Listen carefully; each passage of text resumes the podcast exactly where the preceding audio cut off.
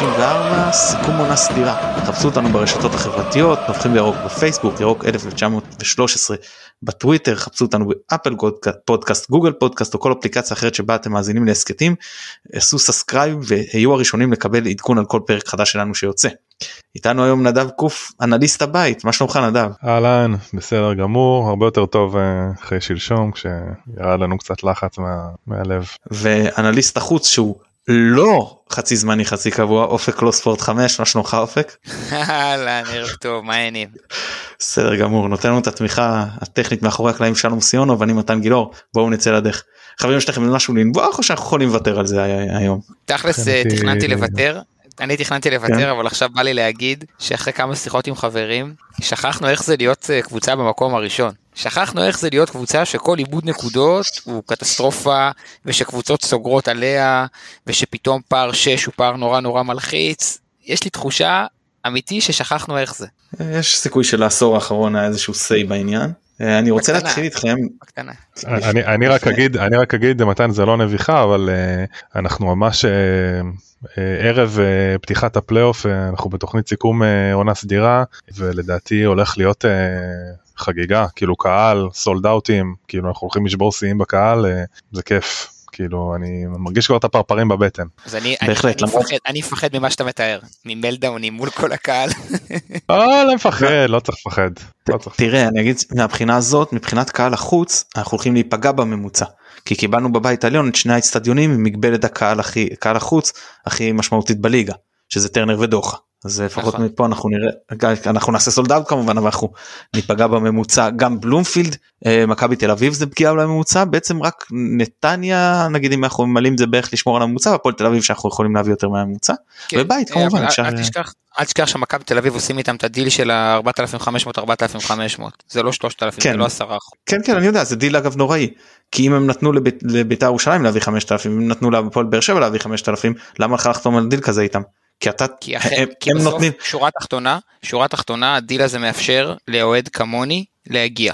אני מנוי ויש לי גרין פלוס אבל אני לא מנוי חוץ ולא הייתי במספיק משחקים ובלי הדיל הזה אני לא מגיע. לא, אני, אני כופר בזה למה הם נותנים הם מקבלים בטרנר 1500 ונותנים לבאר שבע 5000. אני לא יודע למה? וזה לא ענייני זה לא ענייני. אז אני אני, אני אומר. ש... בסופו של דבר נקודתית אולי הם יעשו קונצים פעם אחת ואחרי זה הם ימכרו לך את 4-5 אה, כי הם לא יכולים לשים שם אוהדים שלהם זה לא כמו אצלנו שאתה יכול להזיז את ההפרדה. אז לא דבר הם ימכרו העצים הם יעדיפו לא למכור את הכרטיסים. אין סיכוי בעולם שהם ימכרו את העוד אלף כרטיסים האלה לך כשזה המצב שלהם בטבלה בחיים לא. אני אומר יכול להיות שנקודתית שוב אני אומר שאתה אומר לבית עליון נקודתית הם לא יעשו את זה וזה, וזה אבל לאורך זמן אני פשוט לא חושב שזה הסכם משתלם לנו אבל ועוד אני מזכיר שבבית עליון קודם הם לא מכרו לך את אותם כאילו זה רק מפרינציפ למרות שלכאורה היה כאילו הסכם מתמשך אבל טוב לא חשוב. בואו בוא נעבור לדברים יותר uh, מעניינים. Yeah. Uh, אז לפני, לפני שאנחנו נוגעים בשני דברים לפני שאנחנו נוגעים בסיכום העונה אז אחד uh, הארכת חוזה אוטומטית של חוסה רודריגז בעצם עמידה ביעד uh, משחקים אז אני אשמח לשמוע את דעתכם אני לא זוכר אופק זה היית אתה שפחות התלהב ממנו כשחקן או יכול להיות שאני סתם מלביש עליך פה איזושהי דעה שהיא לא שלך ואני לא זוכר. לא לא אני האמת שמה שאני אמרתי זה ש... אם כל השחקנים, אם כל החמישה זרים האחרים שלך הם שחקני הרכב, אז אה, חוסר רודריגז הוא זר שישי מצוין שסוגר פינות. לדעתי, אולי אני טועה, כנראה שאין לי מושג, בשום עמדה הוא לא שחקן שיכול לפתוח בהרכב, לא ברמת קונפרנס ליג ולא ברמת אה, אה, אה, משחקים אה, על תואר בארץ. אוקיי, נדב? דעתך להערכת ה... על ההתחלה אנחנו חולקים לא חולקים את דעתנו. אני בדעת מיעוט פה אני יודע אני יודע שאני בדעת אה. מיעוט פה. אה, אני חושב ש... בוא נגיד ככה דעתי העונה השתנתה עליו אני מודה כאילו אני חושב שהוא שחקן טוב כשהוא הגיע העונה שעברה אני חושב שהעונה הוא מתחזקת מתחזקת אצלי הדעה שהוא שחקן הרבה יותר משמעותי ממה שאני חשבתי. גם אה, רואים את זה בעמדות שהוא משחק בהם כמגן ימני כמגן שמאלי ואיזה תרומה מתן אתם דיברתם אה, בפרק אה, הקודם השבוע על, על כמה בעצם למרות שיש לנו קישור מלא עכשיו אחורי וכמה הוא מצד שני כמה הוא חסר בעצם כמה הוא לא מתפקד טוב. וחוזר רודריגז אם לא היה לו אלתורים שהוא היה צריך להשלים הוא היה יכול לפתור לנו עכשיו הרבה בעיות אז החתמה מצוינת שורה תחתונה. אני אגיד שאני כל כך תופס מהשחקן הזה ובכלל בנקודה הנוכחית שאני אגיד שלמרות שהייתי מעדיף אותו בכמה עמדות הגנה על פני השחקנים ש... שנמצאים שם כאילו אמורים לאייש אותן אני בכל זאת אפתח איתו קשר אחורי כי הוא עד כדי כך כאילו טוב שם ונגד נוף הגליל לדעתי גם היה מספר אחד על המגרש בתור הקשר האחורי ולא הבנתי למה הוחלף אבל. אה, אני, מאוד תופס מהשחקן הזה. אני יכול להסכים איתך אבל אה, אבל זה חד פעמי בעיניי. אני חושב שהשלישייה הזאת של אה, שלו לביא ואבו פאני זה מה זה היה הגורם הכי מרכזי בשינוי של הקבוצה ובאליפות של שנה שעברה וגם בעיקר השינוי מהקבוצה של בלבול אותו אמצע חזק ויש לו חלק משמעותי בזה וזה נכון שאלי מוחמד נותן לך עוד פה עוד אספקט אבל בטח בכושר הנוכחי וגם ברבגוניות שלו. אני, אני מאוד תופס מהשחקן ואני מאוד שמח אם אתה רוצה לרגע השוואה בין הקבוצה בין הקבוצה של ברק בשנתיים האלה לקבוצה כמעט שנתיים לקבוצה של מרקו אז בוא נדבר על אבו פאני מול מקסים הרבה לפני שמדברים על חוסה ופוקס ואלי מוחמד שהצטרף השנה אבו פאני. לא, אבל מקס לא השחקן פותח. זה הוא משחק בעמדה של אשכנזי. אבל, אבל זה ברגע, ברגע ששניהם היו בקבוצה ומרקו בחר את מקסים זה המיקרו קוסמוס של הסיפור בעיניי. אוקיי אני, אני אגיד לך משהו שהוא נשמע קצת כאילו מטופש אני שמח שמרקו בחר את מקסים. קרה ככה היינו מקבלים את אבו פאני לדעתי כמוצר מוגמר. דווקא אני דווקא אני חושב שפאני הוא מסוג השחקנים שזה לא נכון לגביהם זה אולי נכון לגבי נגיד עופרי שירד להפועל רמת גן אה, או מחמוד ג'אבר שהוא שאל שנתיים לנוף הגליל פאני הוא שוב אני אגיד ארי קיין על הזין שלו את מה שהוא עשה בחדרה כן, אבל... מכבי חיפה מהמשחק הראשון. אה, אתה אומר שהשאלות לא היו מוצדקות אופק? לא, א' אין לי מושג, אין לי מושג כי לא אוקיי, ראיתי. כשזה חזר בפעם הראשונה זה לא היה זה עדיין לדעתי. אנחנו לא יודעים. עכשיו אני לא סתם אומר את זה כי... מה זאת אומרת? אני מדבר איתך בעונה הראשונה של מרקו בחצי שנה השנייה הוא היה אצלנו. כמה דקות בעונה הראשונה. אפילו כבש. הוא, לא- הוא לא קיבל הרבה זה בדיוק מה שאני אומר. הוא כבש נגד חדרה. לא אז אני, כן, אז אני חושב אני חושב שמוחמד אבו פאני וכשהוא יימכר לחו"ל במעל 2 מיליון יורו אז נראה את זה גם בקבוצה הבאה שלו. מוחמד אבו פאני הוא מסוג השחקנים הנדירים שאיפה שתשים אותו אתה תקבל את אותו מוחמד אבו פאני. וזה מה שראינו בחדרה מי שעקב אחריו בחדרה ראה אחד לאחד שנה שעברה במכבי חיפה מתחילת העונה נגד רוסטוב וטוטנאם ועד סוף העונה שלקחנו אליפות בדיוק את מה שראינו בחדרה. על אף שזה הבדלי רמות במרכאות. אני לא מסכים אבל בסדר זה לא זה לא לא כי אני חושב שאבו פאני שחקן מדהים אבל עכשיו אני מדמיין אותו באיזה ליגה אנגלית כזו מתמודד עם שחקנים מפלצות וואלה לא בטוח כאילו לא בטוח. רוסטוב זה לא זה אבל כן יודע יכול להיות שאני טועה. ואגב אגב נדב אגב נדב רגע לפני שמתחילים אני מצטער. דווקא המשחק מול בית"ר גם בסיפור הזה הוא מיקרוקוסמוס. אתה יודע למה נדב? כי כשכל השחקנים שקשקו להם הוובוס, פאני הרים את הרמה. זה חד משמעית. פאני הרים את הרמה, דקה 60, אבוקסיס עושה את נכון. החילופים שלו, כל השחקנים שלנו משתתקים, עזבו אותי מערך, כן החליף שלושה בלמים, חוסה בלם שמאלי, חוסה בלם ימני, פאני הרים את הרמה והיה השחקן היחיד שלנו שתפקד בדיוק כמו בחצי הראשון נגד מכבי תל אביב. בדיוק. מסכים איתך, חד משמעי, מתן דיבר על זה מלא פעמים על העניין המנטלי, אני מסכים איתו במיליון אחוז. אני נותן טיפה טיזר להמשך כי פאני הוא לא שחקן העונה שלי הוא גם לא הוא לא תגלית אבל הוא שחקן שכאילו אם יש קטגוריה של השחקן הלא יודע מה עם הרמת מנטליות הכי גבוהה אז הוא חד משמעית אולי אפילו בליגה אז לגמרי עם זה אני לגמרי מסכים אופק. אופק אני אתקצר לך את מה שאמרתי פשוט בפרק האחרון שלנו נגד בית"ר ירושלים כנראה טרם האזנת. נכון. אה, אנחנו גם נשלח אתכם לכל מי שטרם האזין אז שירוץ גם להאזין לזה. אמרתי שאבו פאני הוא הכי חזק בראש ושזה מתבטא הכי הרבה כשהמומנטום עובר ליריבה וכולם מתחילים לוקחים צעד אחורה אז התקפית הוא קודם כל לוקח את המשחק על עצמו ומעבר לזה אז אתה פתאום רואה אצלו את הזינוק בכמות המאבקים. הוא נכ... מדכא את המומנטום של היריבה לפחות מחליש אותו על ידי כניסה לאין ספור מאבקים אפילו בין אם הוא מנצח בהם בין אם לאו הוא פשוט תוקע להם את המשחק ככה והבעיה היא שכשהוא עושה את זה לבד על פני דקות ארוכות זה מתיש אותו וזה גורם לו להגיע סחוט. וכמו שראינו אה, אותו עיבוד כדור שכמעט עלה לנו בשוויון בתוספת הזמן. אני כמובן לא מנקה אותו אבל גם אי אפשר להאשים אותו כי אה, הוא פשוט שיחק במשך דקות ארוכות שהוא היחיד שזה וגם זה אגב היה אחרי מאבק שהוא זכה בו. ויש פה יש פה יש פה שוני ממכבי תל אביב שאומנם הוא שיחק לבד אני מזכיר לכם שאלי יצא והוא נשאר קשר אחורי יחיד אבל היה מומנטום של הקהל אחרי הגול של שרי אתם זוכרים וזה כבר מביא זה כבר אנרגיות חוץ גופניות והדקות האחרונות שהוא סחב שם את הקרן זה משהו אתם יודעים זה זון כמו כמו אני יודע כמו טייס אוטומטי זה לא משהו שהוא ברמה של אה, עכשיו אה, לנתח הוא לא זוכר מה הוא עשה שם לצורך העניין על אף מיליון מיליון וחמש מאות אלף צפיות שהוא בעצמו בטח צפה. כן, טוב אופק בוא אני אפנה לך את השאלה הבאה שוב אנחנו עוד לא בממש סיכום העונה אבל אנחנו כבר מתקרבים לשם. נפתח לנו עכשיו סוג של שוק אני בספק כמה מישהו מכיר את השוק ה... סוג השחקנים היהודים בליגות הרוסית והאוקראינית ובכל זאת האם לדעתך יש עמדות ששווה כרגע כן לנסות ו- ולעשות scouting ואולי כן אה, להביא אליהן משהו לבית העליון שזה אומר עד שאתה מביא חוזה בדיקות השתלבות כושר משחק וכל הסיפור הזה. אתה מרשה לי לאלתר תשובה ממש אבל לא לקטול אותי אם אני אומר משהו נורא ואיום? אין משהו נורא ואיום פה זה לא יס נו זה, זה לא אה, סליחה נכון לא נכון זה אז אני חושב שאנחנו צריכים לחפש שוער יהודי. אנחנו צריכים לחפש שוער. נדבר על זה עוד מעט לדעתי מלדאון מטורף של ג'וש בעיקר בכל מה שקשור לרגל. גם ככה ממה שאני קורא הוא לא מתכוון להאריך חוזה כן אז ככה או ככה אבל uh, העמדה השנייה רגע, שהיא... חשוב לי להדגיש את זה. כרגע כרגע ויכול להיות שאפשר אחרי זה להאריך את זה אבל כרגע הדיבור הוא ההרשאה לקבוצות זה אך ורק לשאול אין להן זכות להחתים שחקנים אך ורק לשאול שחקנים. לשאול עד סוף העונה? אם לקחת עכשיו מישהו ו... כן. זה 아, כרגע ההרשאה שלהבנתי. אני חשבתי על להחתים קדימה. סליחה.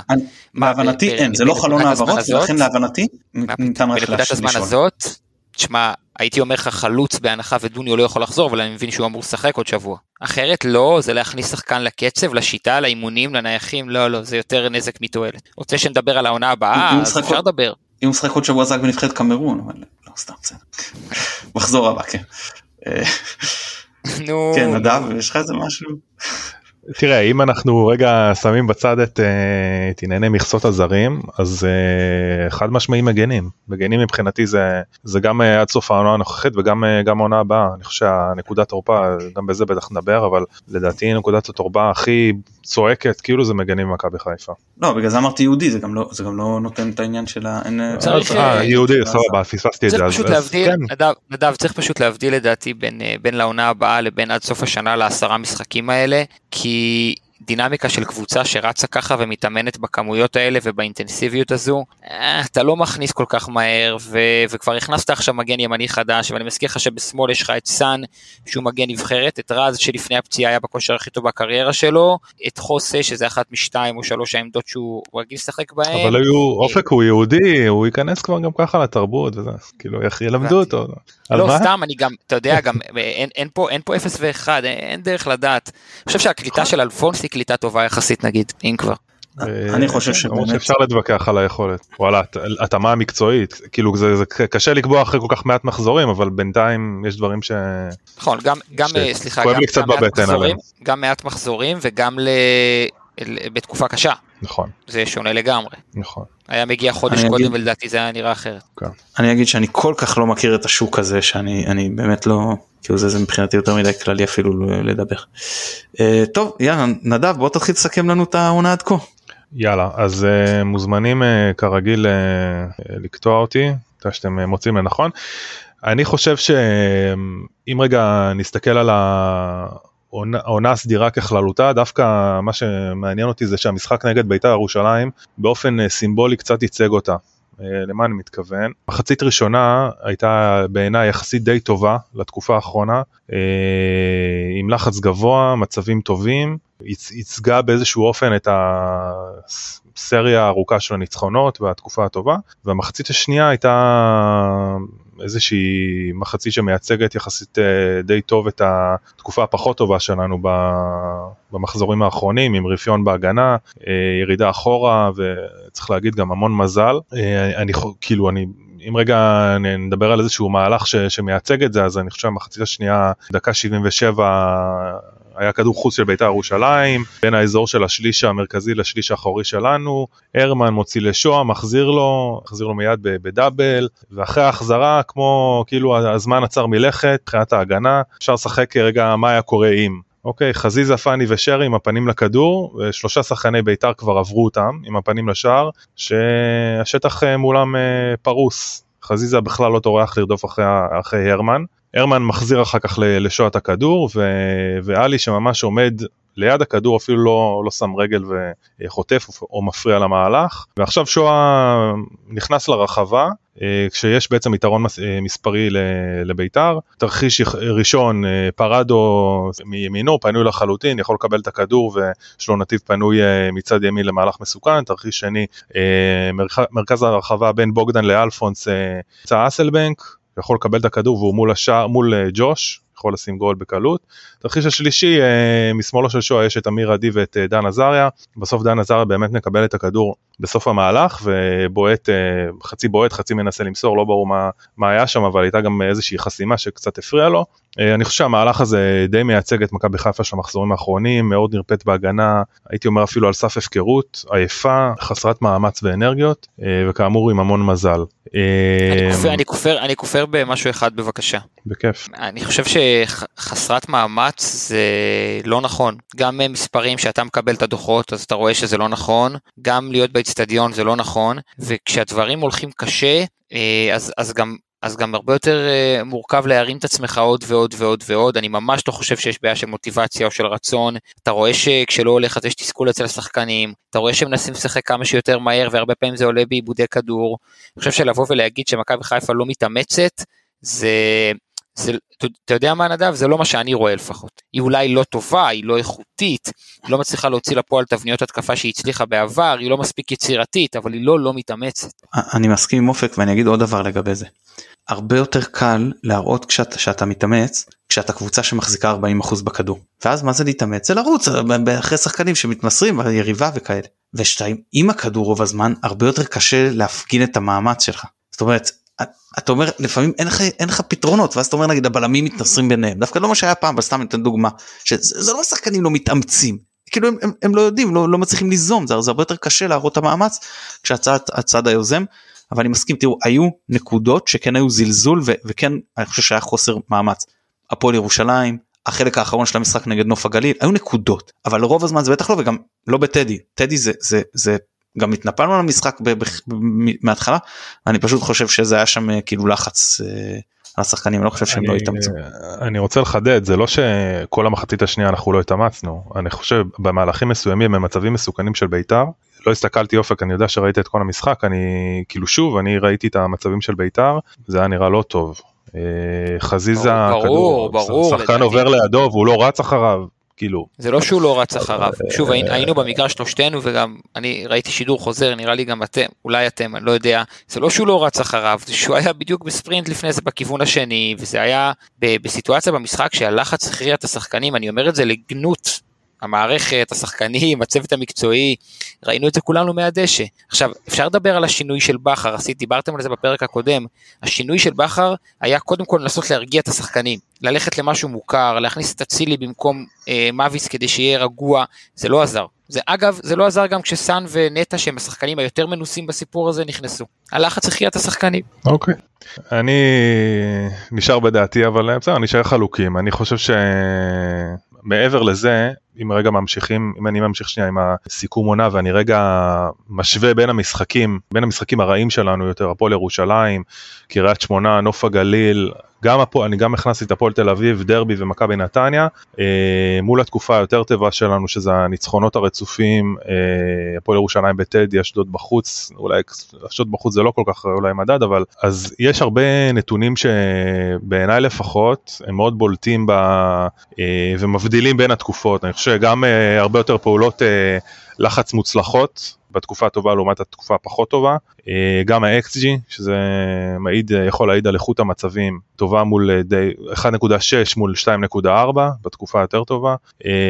עיבודי כדור בשטח שלנו אז 15 מול 10 הפעילו עלינו בתקופה הפחות טובה הפעילו עלינו אה, הרבה יותר לחץ ולדעתי אולי אחד הסיפורים המשמעותיים פה זה הניסיונות אה, לקי פאסס, מסירות מפתח 17 מול 9 אה, כששליש מוצלחות מול כמעט חצי, חצי אה, מוצלחות, ואולי אפשר לדבר אפילו ספציפית. אתה יודע הרבה פעמים, אתה יודע הרבה פעמים אה, מסירות מפתח של היריבה מוצלחות או ניסיונות, אתה יודע ממה זה נובע? מזה שאנחנו רחוקים מהשחקנים. זה דוגמה קלאסית, זה תמיד ירדן שועה. כשאתה צמוד ואגרסיבי וקרוב לשועה, הוא מתקשה ממש נכון, להשתחרר. קשה למסור, נכון. וכשיש לו space, כשיש לו את המטר, כשהוא רגוע, כשלא פיזי איתו, הוא ה passer top שלוש בליגה, וזו דוגמה אחת, כן? ברור ששחקנים בנוף הגליל ובהפועל ירושלים זה, זה דומה. וכשאתה רחוק מהשחקנים, וכשאתה לא מרוכז, וכשאתה אה, לא מספיק על זה במשחק, וזה מאוד בולט אצל, אצל עלי, מוחמד נגיד, שהוא אומן בלמנוע מסירות מפתח, ובמשחקים האחרונים הוא לא מרוכז, הוא לא חד עד הסוף, הוא כן היה פצוע, הוא לא עלה בהרכב, אה, וזה בולט מאוד. כן, אני מסכים אני. ארחיב טיפה לגבי זה. בבקשה. תראו איפה קיבלו, איפה השחקנים מתחילים לשמור חזק את רמזי ספורי בטרנר, לעומת איפה מתחילים את ירדן שועה בטדי. אז ברור שכשירדן שועה כבר צבר מהירות, לא משנה שהוא איטי, כן, אבל לא משנה שהוא צבר מהירות והוא כבר, קיבלת אותו רק בתוך הרחבה, אתה לא יכול לשלוח דריבל לעצור לו את ה... את ה- אתה לא יכול לשלוח רגל לעצור לו את הדריבל, כי ברור לך שעדיף שהוא ישדר עכשיו מצב לעזריה מאשר שתיתן להם פנדל. את רמזי ספורי למשל סתם קיבלת כל כך הרבה יותר מוקדם, שלא הגעת בכלל לדילמה הזאת. כן אז אני תכף כאילו ניגע גם בנושא של, ה, של הלחץ כי של הלחץ של היריבות כי זה בעיניי קשור לגם מה שאופק אה, נגע בו אמ, אבל אם רגע נדבר שנייה ספציפית על דולב חזיזה בהקשר של המסירות מפתח אז בתקופה הטו- הטובה היו לו 42 מסירות אה, 42 אחוז. אה, מסירות מוצלחות לעומת 28 אחוז בתקופה הפחות טובה וגם ברמת הניסיונות יש לו היו לו ארבע ניסיונות אה, בממוצע, ניסיונות מוצלחים בממוצע למשחק מול שני ניסיונות בממוצע למשחק מוצלחים. אה, זה הבדל די משמעותי. מבחינת אה, טוב בול אינטרספצ'נס כאילו זה פשוט מעיד על זה שבעיניי לפחות אנחנו הרבה יותר מתגוננים יש 52 מול 42 בתקופה היותר טובה שלנו. אפרופו מה שהתחלתי להגיד לגבי הלחץ אז גם את זה בדקתי ועכשיו אפשר לראות די בקלות כאילו הפעולות לחץ המוצלחות של היריבות בתקופה הגרועה סביב 41 אחוז ובתקופה הטובה שלנו זה 27 אחוז. אז למה למה אני אה, מספר את כל הסיפורים האלה? כי אני חושב שאם שנייה רגע נספר איזשהו אני מנסה לספר לעצמי איזשהו סיפור על העונה אז אני חושב שאפשר בגדול לחלק אותה לשניים בליגה כן? זה התקופה הטובה שלנו הרצף וה, אה, והניצחונות שהטוב, הניצחונות שקדמו לה קצת. והתקופה של 100 משחק אפשר להגיד מהמשחק נגד הפועל ירושלים או עד המשחק של הפועל באר שבע כולל כי, כי זה גם הדיבור זה הנושא המעניין מה קרה בהפועל ירושלים מה קרה שם ש, שהשתנה וגרם לנו פתאום לשחק אה, פחות טוב הלאה אם זה המאמנים שלמדו אותנו אם זה משחק הלחץ ש, שמפעילים עלינו אולי זה בכלל עייפות מצטברת אולי זה עוד הרבה דברים אחרים אז אה, זה בקשר לנקודה הזו אתם רוצים להגיב אתם מוזמנים. אני מציע אני מציע הסתכלות אחרת אני מתחבר לסיפה של הדברים שלך ומציע הסתכלות אחרת בוא נחלק את העונה לשלושה חלקים קצת כמו עקומת גאוס החמישה מחזורים ראשונים עד ההפסד לבאר שבע פגרת נבחרת ואז החלק הארי של העונה של השלושה עשר משחקים סיבוב שלם עד באר שבע הבא כולל ושבעה משחקים מעט שזה הפועל ירושלים.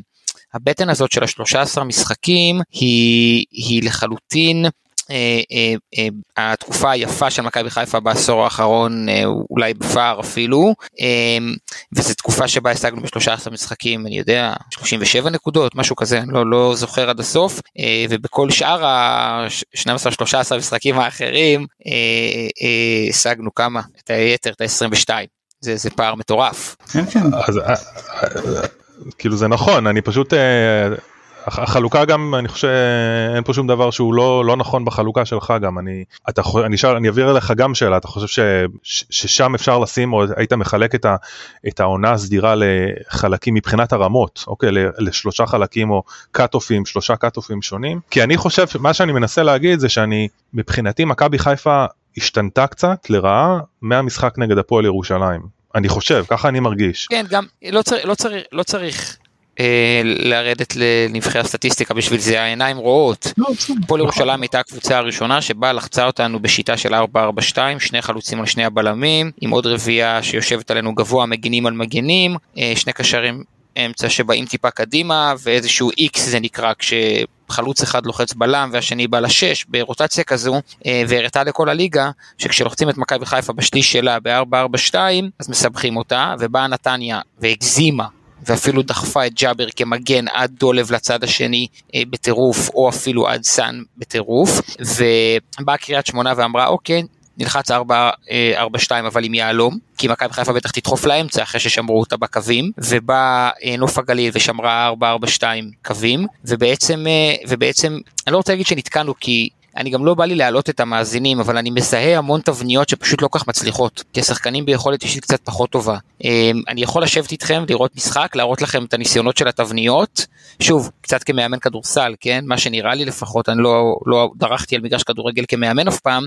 אבל תבניות שמנסות לשחרר את השש באמצע כדי שהוא יקבל את הכדור. אה, ראינו את חוס אה, אה, נמצא המון פעמים לבד נגד נוף הגליל לדוגמה ולא מצליח לקבל את הכדור מספיק טוב ולדחוף אותו קדימה וראינו ניסיונות מהצד לדחוף את הכדור בלם למגן מגן לכנף ושמונה שזה או פאני או שרי נכנסים לעומק אבל התבניות האלה שבוצעו כל כך טוב בשלושה עשר משחקים שדיברנו עליהם בלב של העונה מבוצעות פחות טוב עכשיו השחקנים בכושר אישי קצת פחות טוב הדברים פחות זורמים הביטחון יורד הלחץ עולה ואנחנו פשוט לא מצליחים להשתחרר מאותו 4-4-2 לחץ שכל קבוצה מבינה שהיא צריכה לבוא לעשות נגדנו. אני ברשותכם נותן פה איזשהו משהו אה, גם אני לא, לא מתכחש למה שאתם אומרים אבל עוד איזה עניין. בחלק הראשון של העונה התעסקנו יותר באירופה. קודם כל להעפיל ואחרי זה בחלק הראשון של שלב הבתים. כשהבנו שאנחנו פחות שם כי מה לעשות הבית חזק וזה התחלנו לשים יותר דגש על הליגה והגענו כבר לפיק האירופה עד שלקחנו זמן להתרגל לשלב בתים הזה זה זכת מאיתנו המון אנרגיות אבל זה הביא לנו דיבידנד בליגה של קצב מאוד גבוה של אינטנסיביות של רמת ביצוע גבוהה. סיימנו את הפרק הזה את הרצף ואחרי טרנה פשוט גם הייתה נפילת מתח טיפה במוטיבציה וגם אין מה לעשות העייפות חבר'ה אני כבר ראיתי בלי לטפוח עצמי השכם אבל ב-40 משחקים ביציע העונה והשחקנים כנראה היו ביותר ממני כן כי אני לחו"ל לא טסתי. אז שתבינו כמה שיחקנו כבר עונה. אז הגענו עייפים לסוף העונה. פשוט יש לנו עכשיו עוד חצי עונה מה לעשות שגם אותה צריך לשחק. והכי חשובה והכי 12 כן. משחקים מקסימום. בין 11 ל-12 אנחנו נקווה ש-12 אז אז אז זה פשוט אני חושב פשוט הגענו לחלק הזה שהוא היה אמור להיות הבית העליון ואנחנו עייפים כי הגענו אחרי אירופה עם, עם לוז מאוד מאוד אה, צפוף. כן אה, אה, קבוצות חלק לחצו חושב שחלק דווקא היה להם נוח יותר שאנחנו באנו יותר מוכנים ללחץ אז כן בחלקים ארוכים של המשחק חיכו מאחורה ונתנו כדורים ארוכים ועם זה לא ידענו להתכונן כי. להתמודד כי באנו רק בהרגשה של הולכים ללחוץ אותנו ולא לא ידענו להתמודד דווקא עם העניין של הכדורים הארוכים. אה, דווקא נדב אמר על הפועל טיב שהמשחק לא טוב אני חושב שהגנתית זה המשחק הכי טוב שלנו העונה לפחות מהבחינה הזאת שהיה אפשר טיפה להתעודד אבל לא שמעתי נגד הפועל תל אביב. הפועל תל אביב נגד הפועל תל אביב אני חושב שהמשחק הכי טוב הגנתית שלנו העונה. פתחנו בהפתעה הזאת עם חוסר בלם שלישי בצד ימין ושמרנו את הפועל תל אביב ראש בראש הם לא הצליחו שטקוס לא הצליח להוריד כדור אחד לרגל חצי ראשון הם לא בעטו לשער מה זה זה היה רמה זה הייתה רמת אה, הכנה למשחק פנטסטית לא הצלחנו לשים את הגול שיביא את המומנטום עם ה-30 אלף איש ו- וככה נראינו גם. אגב בנדב אמרת שה-XG ירד מ-2.4 בתקופה הטובה ל-1.6 בתקופה פחות טובה. אגב בטדי הוא היה 2.4. רק להבין לא סתם אמרתי שאני חושב שכן בטדי ייצרנו נכון. אה, מצבים ש... טדי לא החשבתי בתקופה הפחות טובה כי טדי מבחינתי ככה אני לפחות מקווה זה איזשהו אה, משחק מפנה שאני אה, מקווה שהולך להיות. אנחנו ממשיכים באיזה אנחנו, אנחנו ממשיכים באיזה lineup או שאני יכול לזרוק עוד דברים מעניינים לאוויר. אם נדב סיים את החלק שלו הוא יגיד. את רוב הדברים כן כאילו כן יאללה שוט. יש לי אמירה לא לציטוט. תגיד בסוד. תגיד בסוד. תגיד בסוד. אם אנחנו לא מקבלים את הגול הזה נגד הפועל ירושלים ואת הגול מול נוף הגליל אנחנו אלופים היום ואסור לשכוח את זה. הנה אני לא לא לא אני רוצה שהמאזינים אני רוצה שהמאזינים יבינו בוא נשים וידאו של הפרצופים של שניכם עכשיו ביחד שמעניינים עם הראש כזה ולא בטוחים מה להגיד בשנייה הראשונה שניכם פשוט עשיתם את אותה תנועה נמצא דרך להראות את זה. לא אני אסביר לך למה אני זה כי אני אמרתי אחרי נוף הגליל שכל הניתוח הטקטי גם שאתה עשית עכשיו ושל עונה ושל זה זה בולשיט. הובלת מול הקבוצה אולי הכי חלשה בליגה בעשרה שחקנים בבית עם 30 אלף אוהדים שלך. לא היה פה כלום חוץ מזלזול. כלום שום דבר זה לא היה קשור כדורגל. אני לא חושב שהיה פה זלזול אבל זלזול. אה, זלזול של השחקנים שהיו על הדשא.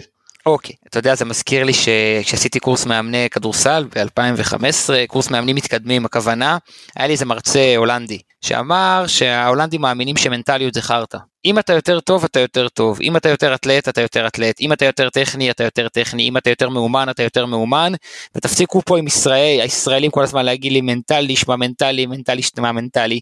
וככה הם הפסידו back to back גמר מונדיאל 74-78. הוא היה מאמן, הוא היה מאמן תורת האימון, זה קורס שאתה חייב לעשות גם מדריכים, גם במאמנים בכל מיני רמות, אז לא שמעתי את מה שמתן אמר, אולי עדיף גם שלא שמעתי את מה שמתן אמר. לא, אני אומר שככה הם הפסידו back to back גמר מונדיאל 74-78. אתה יודע איפה אני הייתי ב-74-78?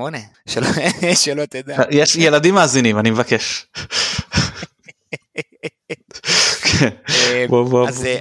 אז אני לא מקבל שהיינו ב-48.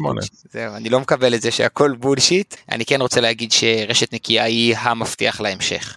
נראה לי שאמרנו בליגה על רשת נקייה כמה משחקים? 12 מתוך 26 רק, משהו כזה? זה, אנחנו כובשים לא בכל משחק. אנחנו כובשים בכל משחק מאז המחזור הראשון אז ברור שאם רשת נקייה ואתה כובש בכל משחק אז אתה כן כן. זה נכון. ונראה לי 18 מתוך 33 ספרתי ידני אני לא זמן של מספרים מבין ה-33 משחקים.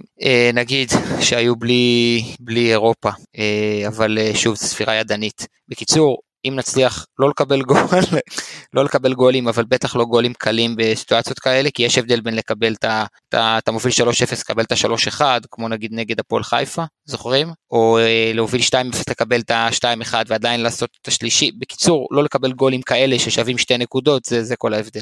ונראה את זה כבר בשבת. תראה, יש לי רק להגיד על זה משהו אחד, ש... מכבי חיפה אה, מכל המשחקים העונה שהיא כבשה בהם שער אחד היו תשעה משחקים העונה שכבשנו מהם שער אחד ב-66 אחוזים מהם לא ניצחנו. זאת אומרת שבדרך כלל מכבי חיפה לא מספיק לגול אחד כדי אה, כדי לנצח. טדי היה אקספשן ושוב צריך להגיד היה לנו הרבה מזל גם הרבה יכולת כאילו כן, יש לנו גם, יש לנו גם דרבי. מהאחרונים זה נכון גם לדרבי כן אז אבל גם זה זה לא נתון שהוא מפתיע כאילו ראיתי אותו והוא לא, לא הפתיע אותי יותר מדי. מכבי חיפה זה לא קבוצה נראה לי גם לדורותיה זה לא קבוצה שמסתפקת ב-1-0 היא צריכה לפרק כדי לנצח. אתה יודע מה אני מציע פה איזה תזה בנושא הזה תזה קטנה אולי באמת כי רצנו את כל ה-13 משחקים הפנטסטיים שלנו של ה-12 ניצחונות ותיקו רצנו עם שון ובוגדן טיפה שחקנו עם המגנים תוך כדי אולי באמת משהו נשחק אולי משהו התעייף אולי משהו קצת היה צריך מנוחה ומי שהחליף אותם לא היה מספיק חד, אולי כבר לא הייתה תחרות טובה באימונים, אולי הם לא כך התאמנו בגלל השחיקה הזו והעומס. רגע, רגע, אתה אומר שיכול להיות שבוגדן היה צריך לנוח? מתן, מה תגובתך? לא בדרבי. אני, אני, אני רמזתי לו, אני רמזתי לו, ואני אמרתי את זה בפרק האחרון, לא שהשלישייה שהיו, שלישייה שהיו... כמה אפשר לחמם יותר ממה שקורה פה. כן, אני, אני אמרתי שיש לנו ארבעה שחקנים שכאילו עד חלק מאוד מאוחר של העונה היו יחסית הכי טובים שזה אה, טוב אני כבר מקדים המצטיינים וזה אבל שזה אה, פלניץ' אה, אצילי עלי מוחמד ומוחמד אבו פאני ואם מוחמד אבו פאני אה, מה שנקרא מאונס ישב בחוץ גם וגם הוא קצת שונה מהשאר בגלל המיוחדות שכבר גם הזכרנו את זה השלושה האחרים ירדו ברמה. אני חושב שחלק מזה בדיוק אותו עומס ש...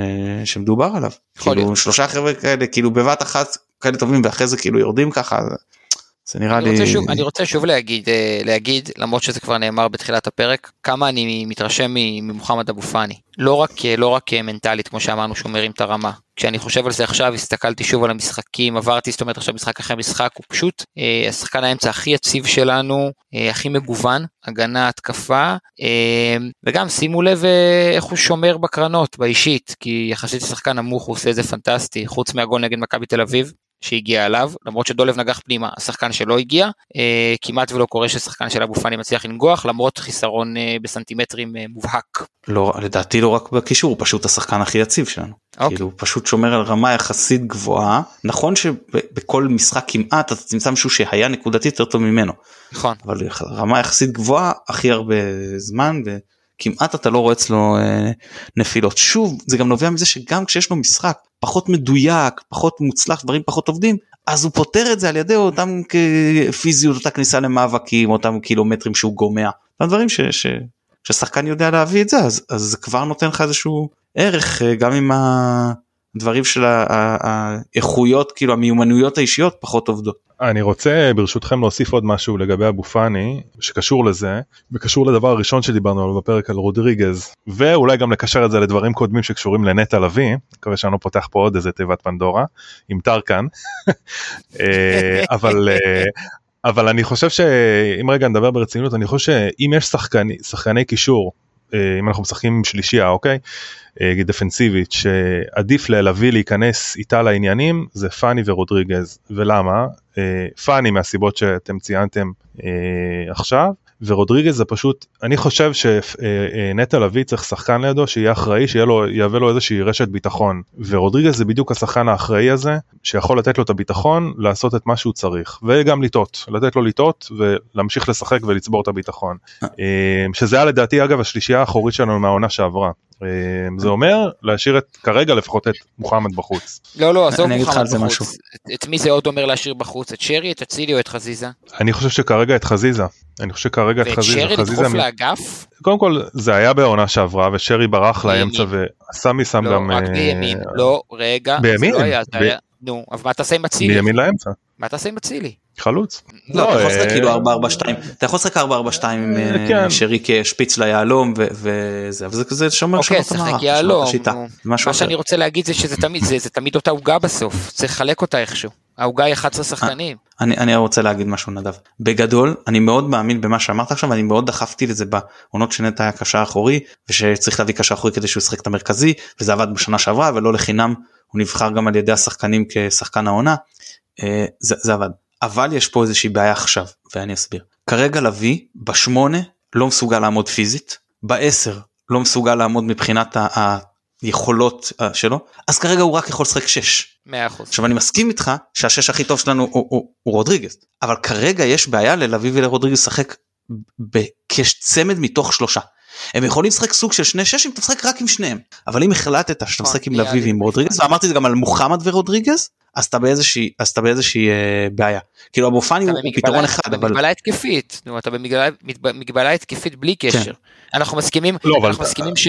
אנחנו מסכימים שחוסה גם אם אתם חושבים שהוא השש הכי טוב בקבוצה באופן כללי ואני אולי חושב נקודתית עכשיו בגלל הכושר של אה, עלי שהוא שש יותר טוב ממנו אולי למשחק הקרוב מסכימים איתי שהוא לא יכול לתרום כלום בהתקפה. נו בואו נהיה רגע בואו נהיה רגע אוהדים סתם אוהדים הוא לא יכול לתרום כלום בהתקפה כלום כלום כלום כלום. לא, לא. הוא יכול אולי לדחוף את הכדור. וגם מוחמד וכרגע גם לביא. אה, נכון, אני חושב שנטע יותר טוב משניהם בזה, גם כשהוא שש. אה, בשבירת ה, נגיד הקו השני של ההגנה ואני חושב שאלי בסוף הוא לוחץ יותר טוב מחוסה בעומק לא מאחורה אלא בעומק אה, אבל אני כן רוצה להגיד ש, ש, שיכול להיות שמה שחשוב עכשיו זה פשוט לשחק עם מי שהכי טוב נקודתית, בלי להתחשב יותר מדי במסביב. ואם חוסה עכשיו הוא השש הכי טוב, שישחק במשחק הקרוב, ומה יהיה תשעה ימים אחר כך בבאר שבע, אלוהים יודע. שוב שוב יש פגרה יש פגרה זה לא בבאר שבע זה בבית לא, לא חשוב לא נו בסדר מה אתה תופס אותי פה נותן לאמת להרוס לי את הסיפור. לא, בסדר. כן, אה? לא לא זה גם מה שאני אמרתי כשדיברנו על הרכב לקראת הפועל תל אביב אז אני אמרתי שהאמצע שלי זה חוזר רודריגז ומוחמד אבו פאני ואפילו שאני מאוד מאמין בשלישיית קישור אני מסתכל על מי השחקנים שכרגע יכולים לתת לי משהו ואני פשוט לא מוצא את השלישייה הזאת בקישור אז אני מעדיף לפתוח עם שניים ולצאת לעוד שחקן התקפה ולפתוח עם הרביעייה התקפית אני אמרתי צ'יבוטה במקום חזיזה אבל זה, זה לא העניין. אני, או... אני, אני מקבל אופק אני מקבל אז רודריגז כמגן ימני ורז שמאלי כאילו אני רוצה את שלושתם על המגרש ככה אני ככה אני זו הדעה שלי זאת אומרת אה, כי, כי, כי חוסה בורח לאמצע.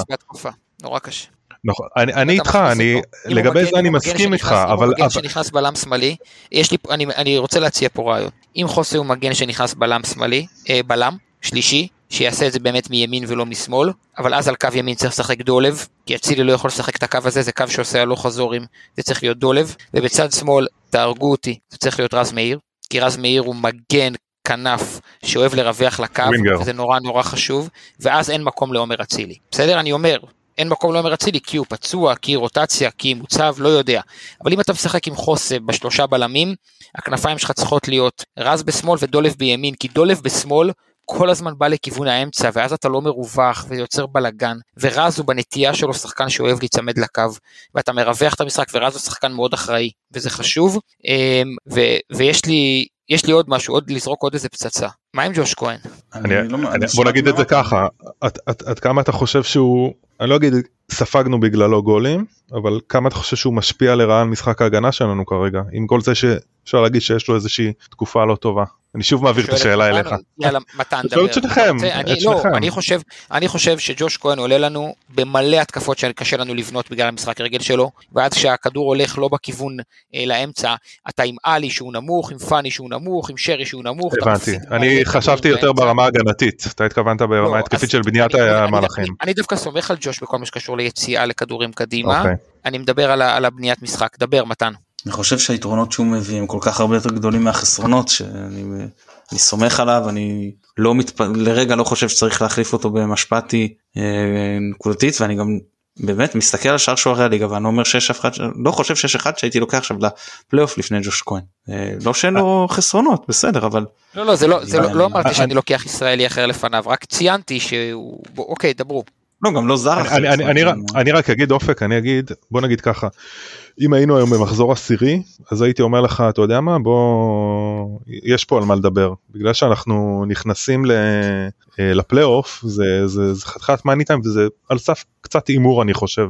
להחליף אותו אתה מתכוון. כן כן להכניס את אה, משפטי עכשיו לפלייאוף נניח. זה לא זה לא, ש... זה לא מה שאמרתי אני גם לא מכיר אני לא מכיר את משפטי שוב אני אני אגיד הנקודה שלי היא שכשאנחנו א' צריך להגיד את זה צריך להגיד שהמשחק הרגל שלו נורא ואיום וזה תוקע לנו יציאה קדימה ולכן הוא יכול להוריד את הכדור רק לאחד הבלמים הוא לא יכול לשחרר פס תראו תחפשו מתי הוא משחרר עם הרגל. מסכים איתך אבל השאלה מה אתה יכול לעשות עם זה. השאלה מה אתה יכול לעשות עם זה חוץ הדבר היחיד שאתה יכול לעשות זה לשים את משפטי אז אני אומר אם זה לשים את משפטי. אתה יכול לדבר אתה יכול לדבר על זה רגע כאוהדים ולהגיד שיכול להיות שלעונה הבאה צריך לחפש שוער משחק רגל טוב יותר? זה אני זה טאבו שיש מצב שצריך לשבור אותו. אני אם אני יכול אם ג'וש מוכן לחתום על האחת חוזה אני מחתים את ג'וש ומשאיר אותו. יכול להיות שגם אני יכול להיות שגם אני בשורה התחתונה ועדיין אני חושב שאנחנו לא מדברים על זה. רגע אני רוצה רק להגיד עוד נקודה למה שאמרת עכשיו שאני חושב שגם דיברנו על זה אבל אם לא אז נגיד את זה אם לא שוב אז נגיד את זה זאת אחת הסיבות שיכול להיות שבכל זאת בכר בוחר כן לפתוח עם אלפונס ואו סן מנחם שהוא יודע שמחכים שני שחקנים עם משחק ראש בין הטובים בליגה בפינות ואז אתה לא צריך להיות טוב ברגל תעיף כדור לחצי לפינה ואחד מהם ייקח את הכדור. כן, אבל זה נכון זה נכון זה נכון זה נכון רגע במקרו שהם בנייחים גם אלפונס אלפונס מכסה כל כך הרבה מצבים כאלה גם אם גם אם אה, הוא לא זה שנוגח אלא זה שלא מאפשר לשחקן הכי אתלט בקבוצה השנייה להגיע לכדור לפניו. אני אומר שבסוף כשאתה קבוצה שלוחצים אותה ב-442 שתיארנו אתה חייב שוער שיודע לדלג על הבלם אתה חייב שוער שיודע לדלג על הבלם עם הרגל.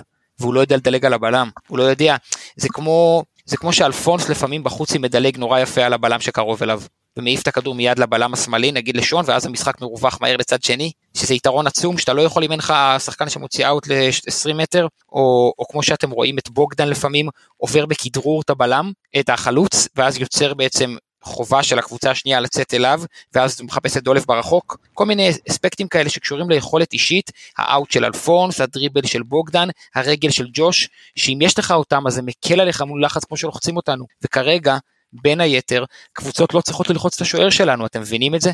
אתם מבינים איזה יתרון זה שלא צריך ללחוץ את השוער שלך? אם היה צריך ללחוץ את השוער שלך זה הרבה יותר קשה לשמור את ה-4-4-2 הזה, את השני קווים של הארבע ועוד שני חלוצים. כי אם אתה צריך ללחוץ את השוער, כי הוא מדייק במסירות שלו, אז אתה חייב לבחור בין אחד הבלמים ואז הרבה יותר קל להזיז את הכדור. זה מתחיל משם, קבוצות מבינות שאין טעם ללחוץ. אבל אם אתה מתחיל את ההנעת כדור עם בלם, ג'וש מוסר קצרה אז, לקצרות ל... אז בזבזת שחקן, ואתה יודע מה, מה אם החזירו את הכדור לג'וש, ועכשיו הוא יכול רק עם הרגל, בסדר? ולא צריך על הקו נכון. שער, 11, 12, 15 מטר מהשאר, לא צריך לצאת אליו, כי הוא לא יכול, הוא לא יכול לייצר לך יתרון, זה מבאס מאוד. איך בכל זאת ויטור ואלחמיד מתמודדים עם זה? בטח לא משחק הרגל של גלאזר הוא עושה להם שם פתרונות. ראית את באר שבע, ראית את באר שבע עושים בילדאפ טוב? אני באמת שואל, ראית את באר שבע בונים התקפות יפה? מה פתאום? אתלטיות אבל הם מצליחים לשבור לחץ, הם כן מצליחים לשבור לחץ. תבדוק לאורך העונה כמה, כמה, כמה, כמה גולים שלהם או כמה מצבים מסוכנים שלהם התחילו ברגל של השוער. אין, זה לא... אה, אה, דווקא, דווקא באר שבע זה דוגמה קלאסית לקבוצה שהשיגה מלא מלא נקודות לא דרך build-up, לא דרך בניית משחק מלמטה. רגע, שאלה, לא כמה באמת, אה, כמה זה באמת פרמטר שהוא בר שיפור בכזה גיל לא במיוחד? לא יודע. אני אגב אני גם לא אני גם מניח שלעשות scouting על שוער זה כמעט בלתי אפשרי. לעשות scouting על שוער זה כמעט בלתי אפשרי. הלו מי שהביא לך את ג'וש הביא לך גם את ג'ו קוזמינסקי בסדר? אני לא לא, לא, לא, זה, לא, לא, לא. זה גם קשה ואתה גם מדבר פה על מקום של זר. אם אתה עכשיו מביא שוער לזר אם אתה מביא. אני לא יודע, ישראלי, אני סתם- העליתי נקודה, כמו שנ- כמו שנ- כמו שנדב אמר, יכול להיות שבסוף כשסוכמים את הדברים, אותה אמרת, אני מחתים אותו. פשוט, זה שאנחנו לא מדברים על כמה המשחק רגל שלו פוגע לנו ביכולת לשבור את הלחץ של ה-442, בעיניי זה קצת חטא לסיטואציה במגרש, זה הכל. ומתי הוא הביא לנו נקודות פעם אחרונה? לא זה אני נקודה לא, מאוד אני לא אוהב מעניינת. את הדיבור על זה, אני לא אוהב את מאוד הדיבור. על זה השוערים, במקום שאני לא אוהב אותו עליו שחקן, הם משחקים כקבוצה, לא יודע מה זה הביא לנו. נקודות, זה תמיד, לא, אני, אני לא מסכים איתך, אני, לא, פה אבל באת לו פעם הנקודה ש- אבל- אבל- אבל, אבל. הנקודה אבל הנקודה שהיא נכונה אני מאוד מתחבר לנקודה של השבירת לחץ כי היא באמת היא באמת חשובה. בסוף אה, זה, זה כלי שאני חושב במשחקים אה, הבודדים אולי שמשפטי שיחק היה אפשר לראות כאילו אני, אני חושב שגם בדקתי את זה קצת בנ- בנתונים אתה רואה את זה זה כאילו זה, זה, זה די משמעותי. מצד שני כאילו בואו צריך למצ- למצוא שוער שיש, שהוא יותר שלם הוליסטי כאילו משחק רגל אה, משחק קו משחק גובה נכון, זה נכון, קשה לפני כן זה קשה. אחראי, ברור. אה, מצד שני, מצד שלישי אני אומר, רגע רגע, מצד שלישי אני אומר באמת, כאילו אפשר להגיד להביא נקודות העונה, אז אה, לא יודע, אני, אני, אני, אני לא חושב שכאילו ג'וש היה יכול להציל אותנו מכל ההפסד, מההפסדים שלנו העונה או מהתיקואים, כאילו לא, זה לא שם שם גולים שהוא היה חייב לקחת או היה יכול לעצור, לא יודע, אין, אוקיי. אין לי לא, תשובה. אני אגיד לך יותר מזה, נגד נוף הגליל הוא לקח כדור ש-70% מהשוערים בליגה לא לוקחים ואתה מתחיל בפיגור ואתה מתחיל לרדוף אחריהם. את אותו כדור אני, ל- אני מסכים איתך, לפינה. אבל, אבל אני לא רוצה להשוות ל-70% מהשוערים בליגה, אני רוצה לתהות, אולי מרציאנו שוער יותר טוב. יכול להיות, אני לא תוהה, קודם כל מרציאנו הולך לשחק עכשיו, עד- אז רגע, קודם כל מרציאנו הולך לשחק עכשיו עד סוף העונה. מה שהוא לא כמעט לא שיחק אמור לשחק עכשיו עד סוף העונה ספורט 1 עד 4 ונוכל לראות אותו משחק באמת אני לא אומר אה, סתם כאילו לא יכולנו כמעט לעשות את זה הוא כמעט לא שיחק עכשיו הוא הולך לשחק כנראה עד סוף העונה.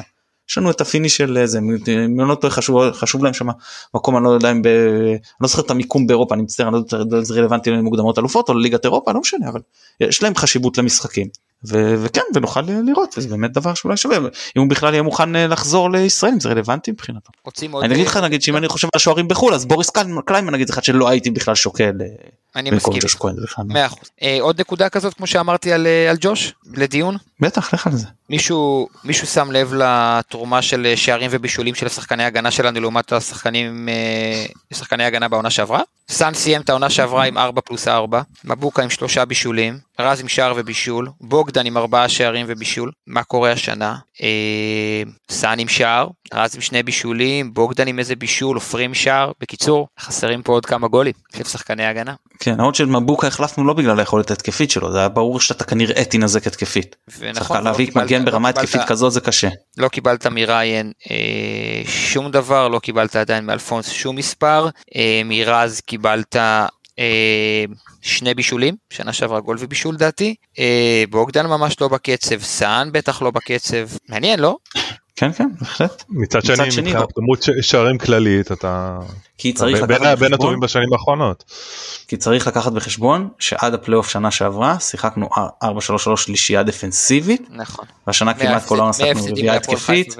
ו- גם וגם צריך לדעתי אולי זה- להתייחס לזה אני- אני אני לא יודע כמה מתוכם אופק אה, מהגולים אה, בעונה שעברה לפחות היו ממצבים נייחים אבל לדעתי הרבה והעונה אנחנו לא כבשנו המון ממצבים נייחים זאת אומרת קרנות אה, לא ככה נראה לי לפחות זאת אומרת המצבים כן. הנייחים שלנו העונה פחות מוצלחים אה, ואז באופן טבעי גם ה- אה, כל שחקני ההגנה הייתה תקופה ש- הייתה תקופה שהם היו מאוד מוצלחים, אבל לא ב- לא בהרמות לתוך הרחבה.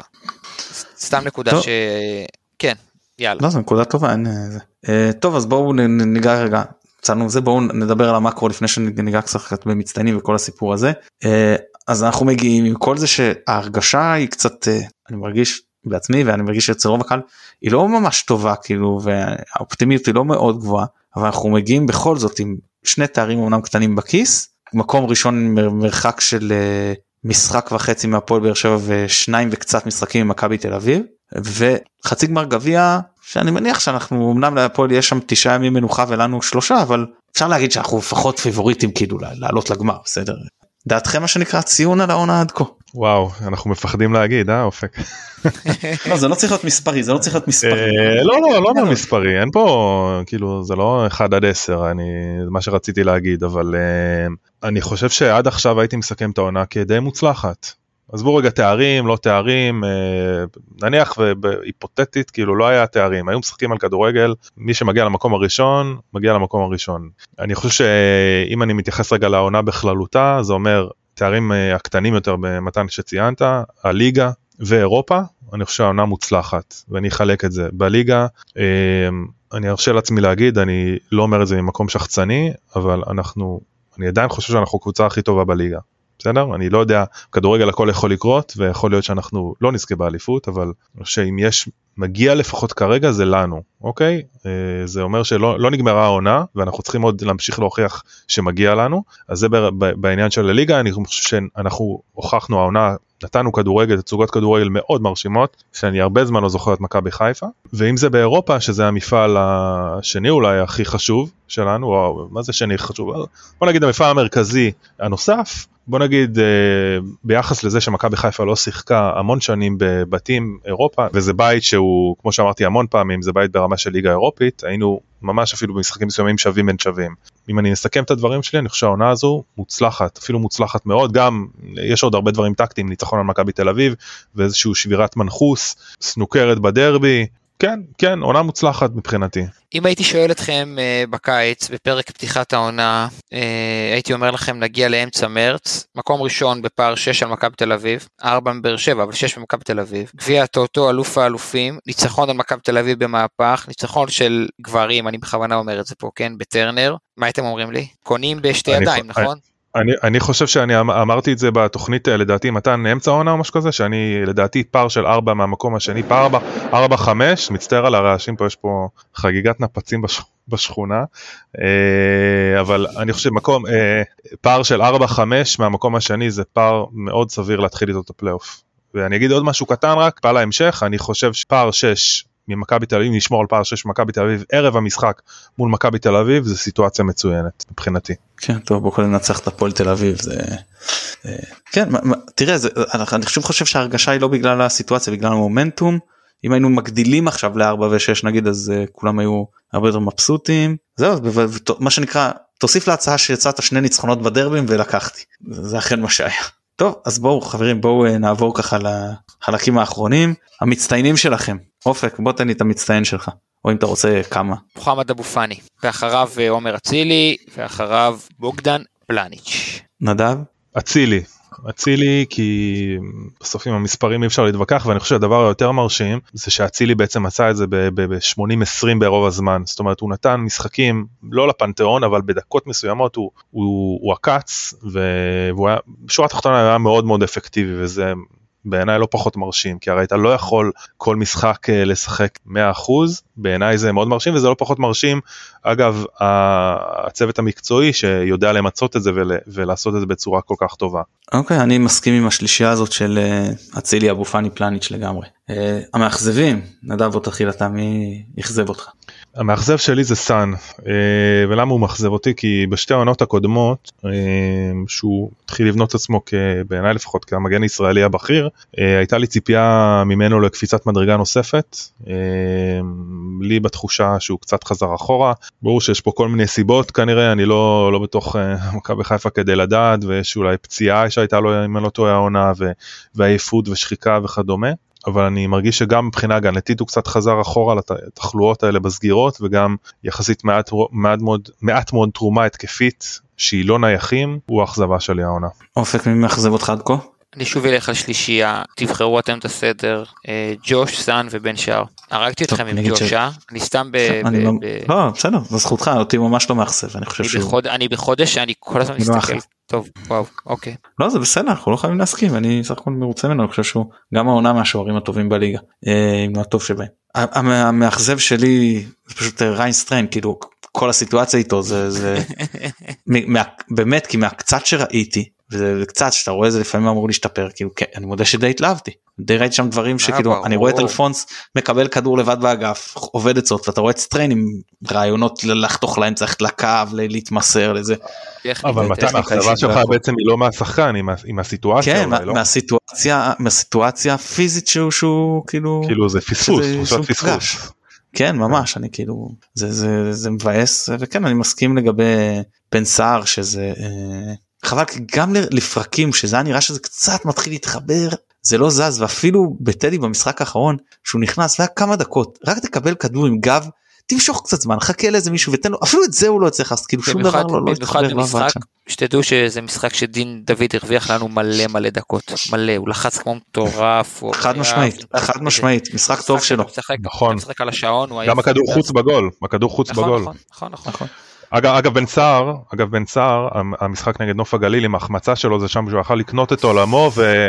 ולהוכיח מה שנקרא שהוא לגמרי. אני אגיד מה אני אגיד. משהו על דינדה אני אגיד משהו על דינדה כשהוא בא אני התווכחתי בערך עם אה, חצי פייסבוק סליחה על איפה המקום היותר מתאים לו רוב אמרו הוא צריך להיות קיצוני שמאלי ואני התעקשתי ואמרתי זה נכון שהוא יכול לשחק גם שם הוא אפילו לא אפילו לשחק יותר שם ועדיין וראיתי אותו במדעי אשדוד גם נגד קבוצות אחרות וגם נגד מכבי והרבה יותר התרשמתי מאיך הוא שיחק את התשע. ואני חושב שלא לחינם הוא לא משחק את התשע במכבי רק כי יש יותר טוב ממנו בשמאל. כי הוא משחק את התשע במכבי כי הוא פשוט עושה את התפקיד הזה יותר טוב ממה שהוא משחק למרות שהוא גם בסדר גם בפעמים שהוא שיחק כי יש בשמאל. לו בכל המסגרות את אותם כמות שהייתה לניקי בעונה שעברה בכל העונה. מה צריך? חלוץ. תשע, סופרים לו שערים. קודם כל, כל המסביב זה תוספת. זה אחלה, זה חשוב ללחוץ, חשוב להגיע לכדורים, חשוב- לבשל, חשוב לשמור על הכדורים הגב לשער, חשוב לרווח, חשוב לזוז בזמן, חשוב הכל. חלוץ תשע נמדד קודם כל במספרים. אם ספרתי נכון, יש לדין דוד בכל המסגרות 23 גולים. 23 גולים זה מה שניקי עשה בעונה שעברה.